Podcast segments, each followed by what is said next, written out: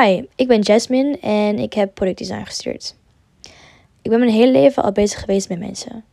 Ze helpen, blij maken en problemen willen oplossen. Het was dan ook meer dan logisch dat ik dit ook deed bij mijn studie. Voor mijn afstudeerwerk heb ik een maatschappelijk probleem willen aanpakken in het land van mijn herkomst, Iran. Het probleem dat ik in daglicht wil zetten gaat over de vrouw in Iran.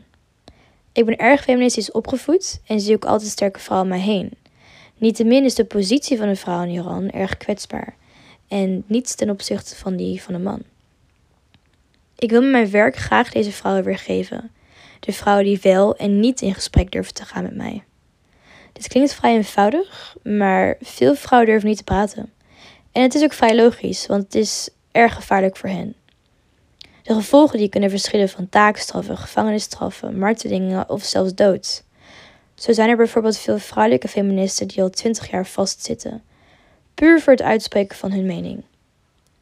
De afwijzingen die ik binnenkreeg, die kun je zien op de twee grote oranje doeken. De kleur is vrij symbolisch gekozen. De kleur oranje staat in Iran voor hoop en komt er voort uit de twee primaire kleuren rood, wat passie is, en geel, angst. Hier herken ik de vrouwen erg in terug. De vrouw die wel durfde te praten, daar heb ik opnames van gemaakt. De gesprekken heb ik laten inspreken door sterke vrouwen om mij heen, aangezien de vrouwen alsnog anoniem wilden blijven. Elk gesprek heeft een ander onderwerp en ik heb expres vrouwen van verschillende leeftijden gesproken, zodat ik elke leeftijdscategorie zou kunnen meepakken. Als je de QR-code scant, zul je dus een gesprek horen. Ook kun je klikken op de knop beneden om ze een berichtje te sturen. Zoals ik net al zei, willen ze wel anoniem blijven, dus de berichten zal ik dan doorzetten naar de vrouwen. Met mijn werk wil ik de vrouwen die graag willen spreken een podium geven en ze laten zien dat ik er ben.